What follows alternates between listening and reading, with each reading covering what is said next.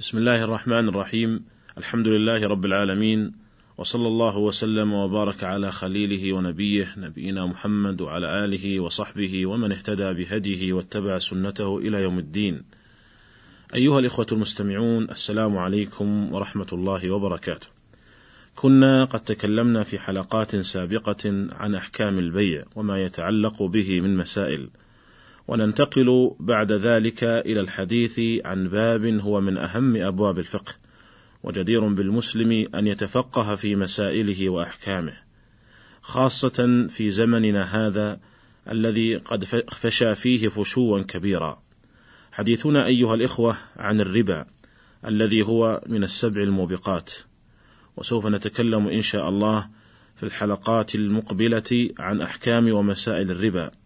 وأما هذه الحلقة فلعل من المناسب أن نتكلم عما ورد في الربا من النصوص من الكتاب والسنة.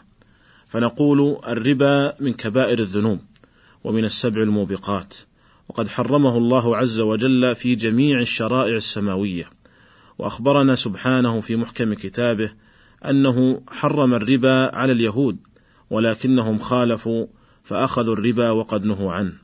يقول الله عز وجل فبظلم من الذين هادوا حرمنا عليهم طيبات أحلت لهم وبصدهم عن سبيل الله كثيرا.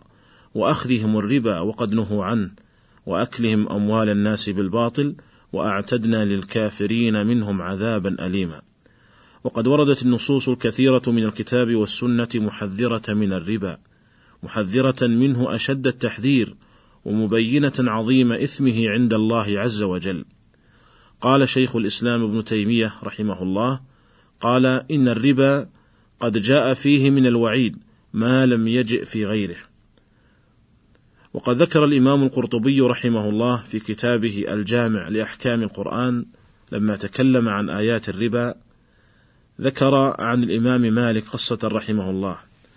قال الإمام القرطبي جاء رجل إلى الإمام مالك فقال يا أبا عبد الله إني رأيت رجلا سكرانا يتعاقر يريد أن يأخذ القمر أي من شدة سكره. فقلت امرأتي طالق إن كان يدخل جوف ابن آدم أشر من الخمر. فقال الإمام مالك ارجع حتى أنظر في مسألتك. فأتاه من الغد. فقال له ارجع حتى أنظر في مسألتك. فأتاه من الغد فقال الإمام مالك امرأتك طالق. إني تصفحت كتاب الله وسنة نبيه فلم أر شيئا أشر من الربا.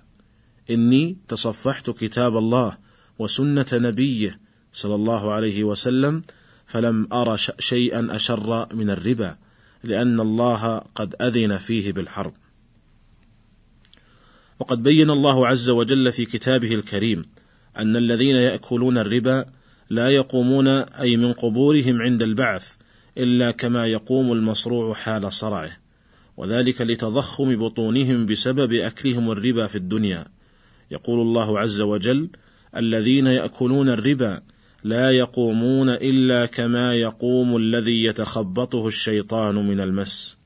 قال الحافظ ابن كثير رحمه الله في تفسيره: أي لا يقومون من قبورهم يوم القيامة إلا كما يقوم المصروع حال صرعه وتخبط الشيطان له، وذلك أنه يقوم قياما منكرا.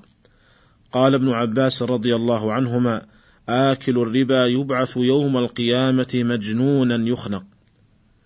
قال الإمام القرطبي رحمه الله: جعل الله تعالى هذه العلامة لأكلة الربا، وذلك أنه أرباه في بطونهم فأثقلهم فهم إذا خرجوا من قبورهم يقومون ويسقطون ويقال إنهم يبعثون يوم القيامة قد انتفخت بطونهم كالحبالى وكلما قاموا سقطوا والناس يمشون عليهم. وقال بعض العلماء إنما ذلك شعار يعرفون به يوم القيامة ثم العذاب من وراء ذلك. كما أن الغال يجيء بما غل يوم القيامة بشهرة يشتهر بها ثم العذاب من وراء ذلك. كما توعد الله عز وجل الذي يعود إلى أكل الربا بعد معرفة تحريمه بقوله ومن عاد فأولئك أصحاب النار هم فيها خالدون وأخبر سبحانه بأنه يمحق الربا فقال يمحق الله الربا ويربي الصدقات. قال الحافظ ابن كثير رحمه الله في تفسيره يخبر تعالى أنه يمحق الربا أي يذهبه إما بأن يذهب بالكلية من يد صاحبه أو يحرمه بركة ماله فلا ينتفع به بل يعذبه به, به في الدنيا ويعاقبه عليه يوم القيامة. انتهى كلامه رحمه الله. فأموال المرابي مهما كثرت فهي ممحوقة البركة. أيها الإخوة أموال المرابي مهما كثرت فهي ممحوقة البركة بإخبار ربنا عز وجل. ولذلك فإن أموال المرابي إما أن يسلط الله عليها من الآفات ما يذهبها وإما أن تبقى في يد صاحبها ولكن لا بركة فيها. صاحبها محروم منها لا ينتفع بها في الدنيا ولا في الآخرة. بل هي وبال على صاحبها. تعاب في الدنيا وعذاب في الآخرة. وقد وصف الله تعالى المرابي بأنه كفار أثيم فقال يمحق الله الربا ويربي الصدقات والله لا يحب كل كفار أثيم. فأخبر سبحانه أنه لا يحب المرابي وحرمانه من محبة الله يستلزم أن الله يبغضه ويمقته وتسميته كفارا أي مبالغا في كفر النعمة وهو الكفر الذي لا يخرج من الملة فهو كفار لنعمة الله لأنه لا يرحم العاجز ولا يساعد الفقير ولا ينظر المعسر أو أن المراد بكفار الكفر المخرج عن الملة إذا كان يستحل الربا. وقد وصفه الله تعالى في هذه الآية بأنه أثيم أي مبالغ في الإثم. وقد أعلن الله تعالى الحرب منه ومن رسوله على المرابي لأنه عدو لهما إن لم يترك الربا ووصفه بأنه ظالم. فقال سبحانه يا أيها الذين آمنوا اتقوا الله وذروا ما بقي من الربا إن كنتم مؤمنين فإن لم تفعلوا فأذنوا بحرب من الله ورسوله وإن تبتم فلكم رؤوس أموالكم لا تظلمون ولا تظلمون. ففي هاتين الآيتين جملة من التهديدات عن تعاطي الربا أولا أنه سبحانه نادى عباده باسم الإيمان يا أيها الذين آمنوا ثم ختم الآية بقوله إن كنتم مؤمنين فدل على أن تعاطي الربا فدل على أن تعاطي الربا لا يليق بالمؤمن.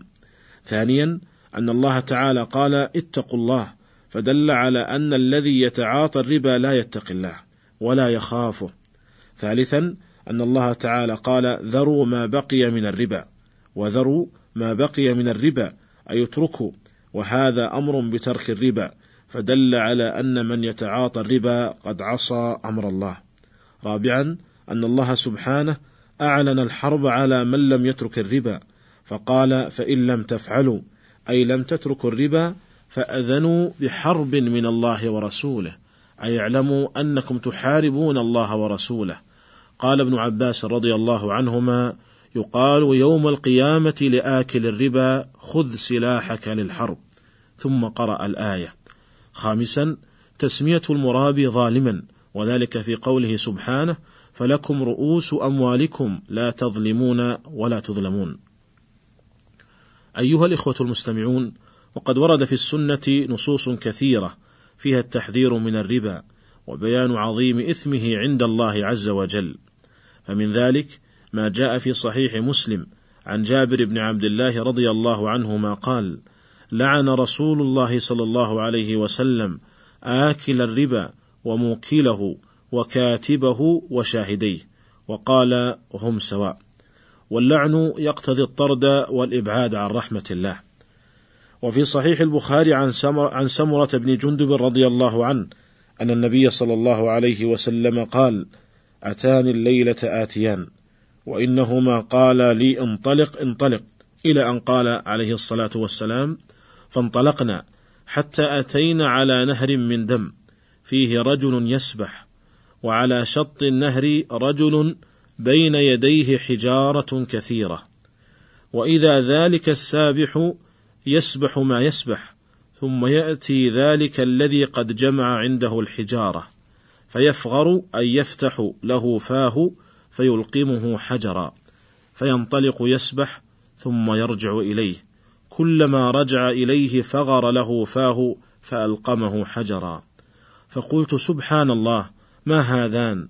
قال لي انطلق انطلق ثم أخبراه فيما بعد أنه آكل الربا. وعن ابن مسعود رضي الله عنه أن النبي صلى الله عليه وسلم قال الربا ثلاث وسبعون بابا أيسرها مثل أن ينكح الرجل أمه. رواه الحاكم وقال صحيح على شرط البخاري ومسلم. وعن أبي هريرة رضي الله عنه قال قال رسول الله صلى الله عليه وسلم الربا سبعون بابا أدناها كالذي يقع على أمه. قال الحافظ المنذري رواه البيهقي بإسناد لا بأس به. وعن عبد الله بن حنظلة رضي الله عنه قال قال رسول الله صلى الله عليه وسلم درهم ربا يأكله الرجل وهو يعلم أشد من ستة وثلاثين زنية. رواه أحمد والطبراني ورجال أحمد رجال الصحيح.